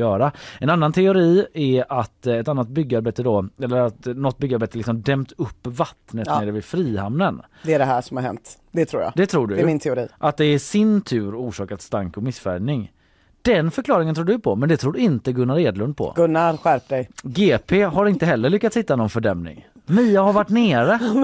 Hon hittar Nej, ingen men, nej, men fördämning. jag menar bara med så här att det är bara allt som händer här. Alltså hela Göteborg är ju som ett asbesthus. Mm. Det funkar svinbra Det är inga problem, det är inte giftigt så länge man inte rör någonting. Nej, nej. Men så fort det ska ner en påle i älven, så fort Ja. man rafsar runt lite i leran någonstans är det så oj oj oj, det blev svart vatten och luktar bajs. Ja, det är som att man sätter upp en hylla hemma då. Ja. Och bara, pff, Ja precis, och så rasar hela huset. Ja. Så rör inget mer nu gubbar. ja, gör inte det. De här miljöinspektörerna har något av ett detektivarbete framför sig då, säger Gunnar Edlund. Jag är väldigt nyfiken på man har velat ta rygg på dem. Hur går det här detektivarbetet Ja. till? De får väl gå runt där liksom och se bara, är det det här, är det det här? Jag vet inte om det stämmer, men jag har hört att det finns rör som går rätt ut i Göta älv som ingen vet vart de börjar. att, så här, Göteborgs universitet gjorde för ett tag sedan att de skickade ner några små robotar för att ta reda på typ vad är det för skit som Va? kommer ut i älven. Och att de bara var så här, det är omöjligt att säga. Det, Scholars jag hörde i och för sig det här av samma person som hävdade att det finns ett hål på SKF som aldrig tar slut. Okej. Ja, liten nypa salt ändå. Lite nypa salt. på den. Ja. Men eh, eh, han berättar i alla fall här då Gunnar Edlund att eh, det finns två huvudförklaringar att gå på. En naturlig som lågvattenomsättning och nedbrytningsprocesser. Eller så rör det sig om ett utsläpp av något slag. Mm. Och eh, ja, det är väl det de får kolla på. ja. Det finns en del spår att gå på säger han, eh, som de här inspektörerna. Inspektör, inspektör, ja, vad de nu heter. Jag kollar på. Jag följer det med spänning.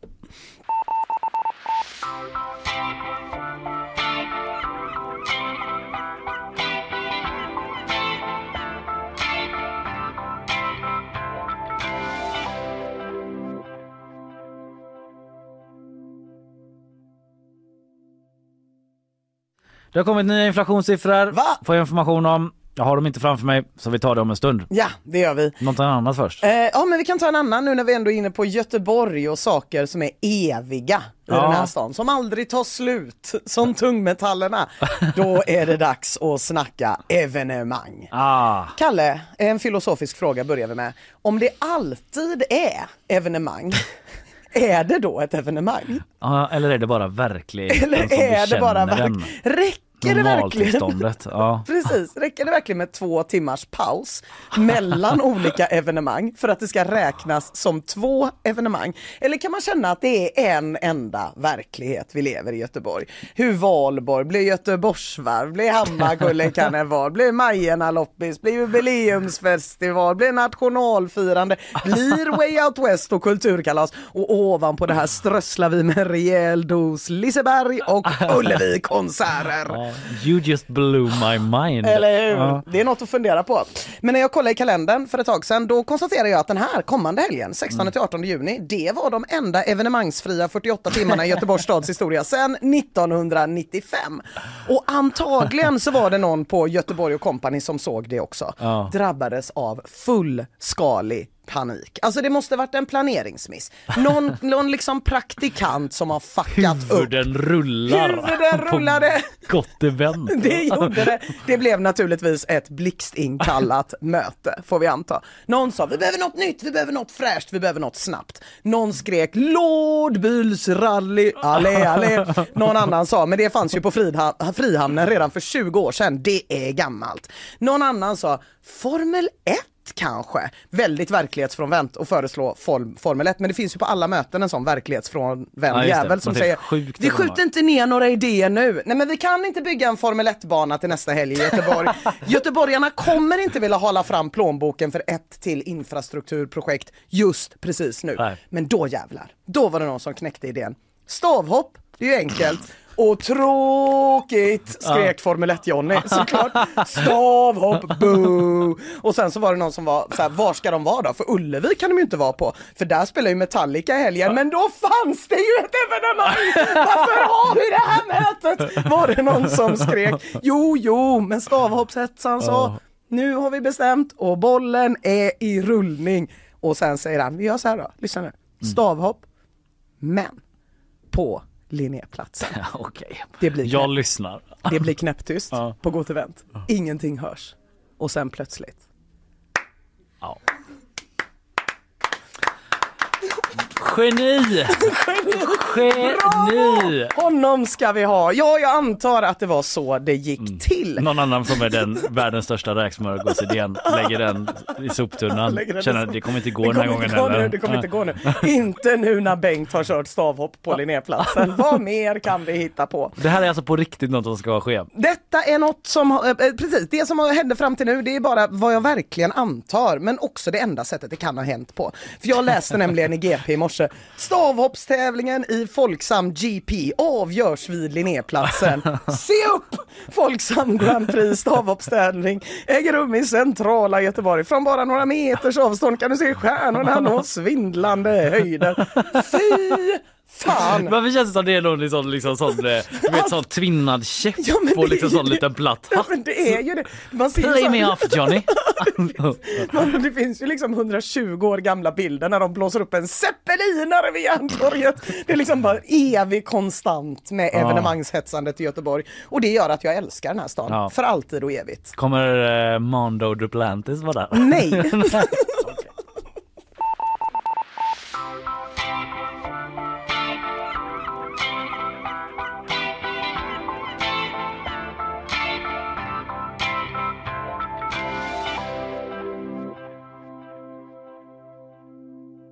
Jag får här till mig eh, de nya inflationssiffrorna för maj. Eh, Vi följer ju ändå inflationen noga här. Det kommer ju alltid under sändning.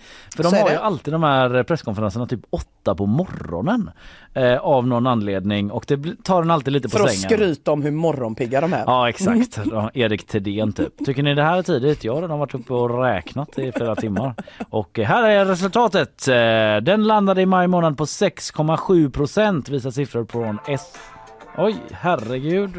Spelar de den här jingeln då? Ja, det var den Erik Thedéen gick på till. Han bara White okej. man's overbite och in på scen. Ja, let me drop some figures for ya. Me and my digits. Det är lägre än Riksbankens egen prognos. Yay! Fortsatta prissänkningar för el och livsmedel bidrog till den lägre inflationstakten i maj säger Mikaela Nordin, prisstatistiker på SCB. Och inflationstakten är ju mätt då i KPIF. Det är de här olika, vi går inte in på det, men Nej. det finns ju lite olika mått där. Och den sjönk alltså till 6,7 procent i maj och prognosen var på 7,1 procent. Eh, men något högre än konsument... ko- ko- konsensusestimatet förlåt, Nej, på nån. 6,6. Jag Så förstår ingenting av det här. Kan du bara berätta för mig om du och Karl kommer ha råd att bo kvar i era bostadsrätter Ja eller men inte? tills vidare liksom, Mm, tills tackar, vidare. Eh, det beror lite på när Karl själv ska förha- förhandla den personliga räntan med avdrag eh, och sådär rabatten. Eh, men vi kommer i alla fall kunna liksom köpa varor ett tag till då. Ja. Ja. Så det är fortsatta prissänkningar då på el och livsmedel som eh, gör att det ser lite ljusare ut. Priserna på el och drivmedel sjöng med 11 respektive 4,7 procent. Och livsmedelspriserna minskade också då med 0,4 Ja, procent. Mm. ja, det är väl inga glädjeskutt. Nej det är inte det Nej. att man skuttar. Nu har man ju vant sig av med paprika, det är lugnt, du behöver inte komma tillbaks paprika. Exakt. Ja. Nu äter jag bara sån här liksom Rova. Walmart, du vet sån där jättedålig mat som man blir svintjock av. Mm, Jättebra. toppen. Eh, däremot ökade räntekostnaderna då för bostäder. Samt priserna på restaurang och hotell. Nej! All right.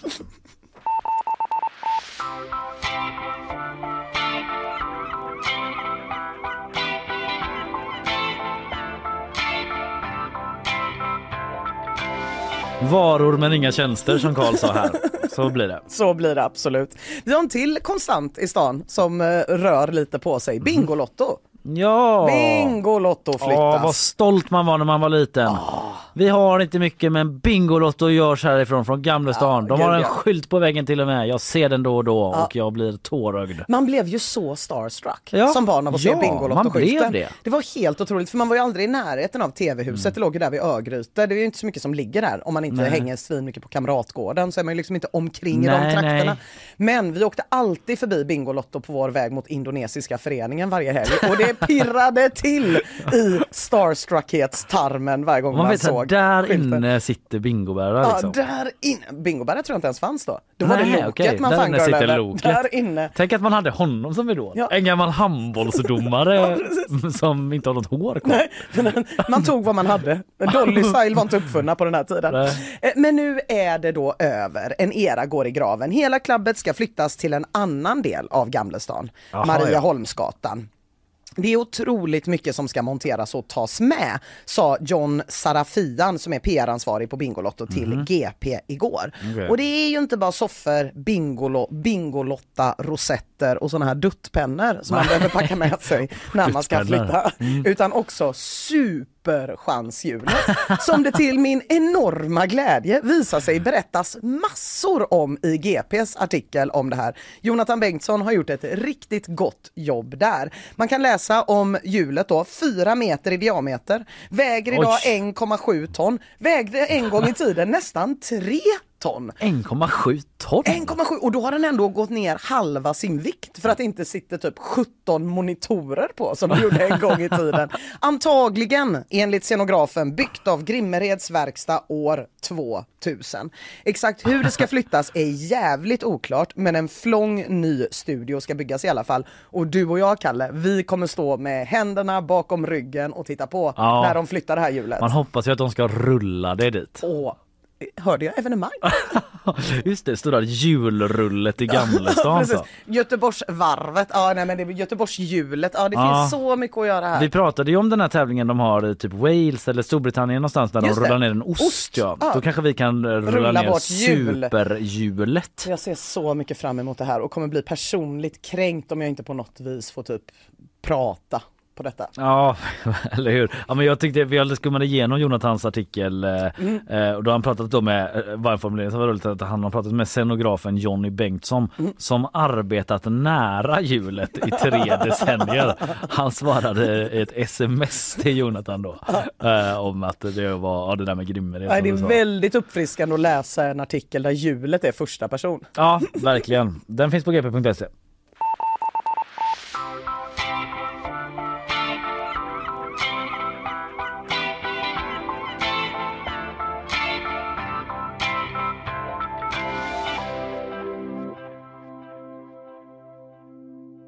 Ja, eh, vi ska få ett nytt eh, landmärke här i stan. Nämen, Och då pratar jag inte om Gylfen nej. eller Karlatornet som... Det eh, har varit väldigt många sådana göteborgsk eviga konstanter. Nytt landmärke! Ja, nytt- det här är ju den nya konstanten någonstans ändå. Eller vi kanske har haft landmärken innan men nu är det ju mycket, det är ju mycket nya byggnader helt enkelt. Och höga byggnader, stora byggnader, påkostade byggnader som ska byggas här I alla stan. fall på en del av stan. Ja, Hisingen tänker du Ja, eller? precis. Ja, men också typ i lite så här infarten vid Gårda. Ja, det är lite sådana det är sant, och det är sant. Järntorget och Mm, lite jo, så. nej men det är sant. Det var orättvist av mig. Ja, nu är det Polestar då som ska bygga sitt nya globala huvudkontor Det är vid ett elbilsföretag Ja, va? de gör elbilar och eh, är de en del av Ja, de ägs av Volvo på något sätt. Ja, precis. Jag visste att det var något med Volvo men jag är lite Vi fick osäker två på. svar från, eh, Ja. från Carl fick vi. Något sånt tror jag från Isabella fick vi. Ja, de ägs av Volvo. Ja, nej men precis. Det är, de, det är med Volvo eh, associerat där. Mm. Och då ska de bygga eh, det här i eh, en ny stadsdel. Eh, gissa vart det är då? Eh, Kan det vara Hisingen? Ja, och det är vi ju vid Frihamnen. Där Ja. allting ska ske nu för tiden. Just det. Eh, beslutet fattades under ett hemligt möte och arbetet med den nya planen sätts igång omedelbart. Varför ett hemligt möte? Ja, det vet jag inte. Det ska man inte ha i Göteborg. Nej, det, är brukar ju inte bli så bra. Nej. Men eh, det har i alla fall, det är inte så att de, eh, det har ju varit liksom samtal om det innan som inte Såklart. har varit... eh, De ville väl inte att det skulle läcka bara? Nej, för eh, de initierade så har väl detta varit på gång ett tag Mm. och så liksom. Eh, Men eh, det som sägs är att gestaltningen behöver vara av högsta klass eftersom det här blir en port in till hissingen. Mm. gate! The gates! Open the gates! Nej men eh, det blir ju då liksom eh, väldigt påtagligt när du kommer över nya Hisingsbron så Ja. kommer den ligga nämligen precis nedanför Hisingsbron. Om du kommer från stan ner till vänster då, där ska det bygga. Men, åh, så himla taskigt precis mitt över från det gamla landmärket läppstiftet. Ja, Det är så, som det är som det, åh gud vad taskigt. Alltså läppstiftet och det här andra liksom glaslådan som är det här nya relativt nya hotellet du vet som ligger Just på det. andra sidan Mm. eh, brofästet. Mm. Det är ju också, eh, jag vet inte liksom om man kallar det för ett landmärke men det var i alla fall en stor hög påkostad byggnad då Ja. som är ett hotell. Eh, men nu ska man bygga då den här nya då strax intill eh, Hisingsbron som jag sa och det blir ett nytt globalt huvudkontor för Polestar. Eh, och eh, alltså samma dag som eh, man tog det här beslutet då så fattades ett parallellt ordförandebeslut av stadsbyggnadsnämndens ordförande Johannes Hulter, Ja. återkommande figur här i programmet. Verkligen. Det är eftersom det byggs så jäk som bygger satan i den här stan. Mm. Eh, att man omedelbart ska starta arbetet med en ny detaljplan då. Vi kallar den för detaljplan O tror jag, inte noll utan O. Eller är det noll? Jag vet inte. Det är Nej. svårt att se ibland. Och det gäller kvarteret som är närmast bron. Här ska byggas ett nytt globalt huvudkontor samt ett designcenter. Tanken är att den ska kunna göra, eh, kunna göra stöd för att bygga ut och flytta in till 2028.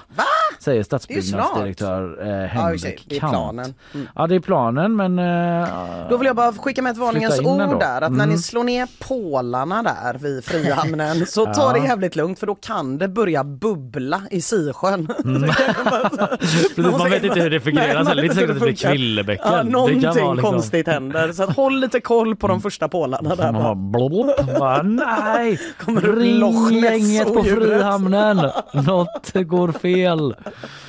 Ja, alltså GP har rapporterat i slutet av maj då att eh, man pausat eh, eh, arbete, eller nej, nej så här. I maj rapporterade vi på GP om att det här arbetet som varit pausat med att utreda en ny stadsdel i Frihamnen, alltså en helt ny stadsdel, Ah, inte bara den här nej. byggnaden. Eh, det startas upp igen under hösten och det är inledningsvis tal då om att bygga 4 000 lägenheter samt nya skolor, förskolor, parker och så vidare. Eh, och i anslutning till detta då så blir det här Mega Polestar Landmark byggnaden, port till Hisingen, tjofräset då. Mm. Och eh, men ja, då är det ju liksom förstudie och detaljplan liksom på den nivån då med det här bostadsområdet. Det är det man drar igång igen då. Eh, men eh, förlåt. Eh, så här säger alltså liksom det är inte bara det att det är ett nytt liksom kontor med arbetstillfällen och att man ska bygga det och så utan det är liksom en del ganska liksom stora ord man slänger sig med här då. Det blir nog första gången man verkligen känner att innerstan tar steget över älven.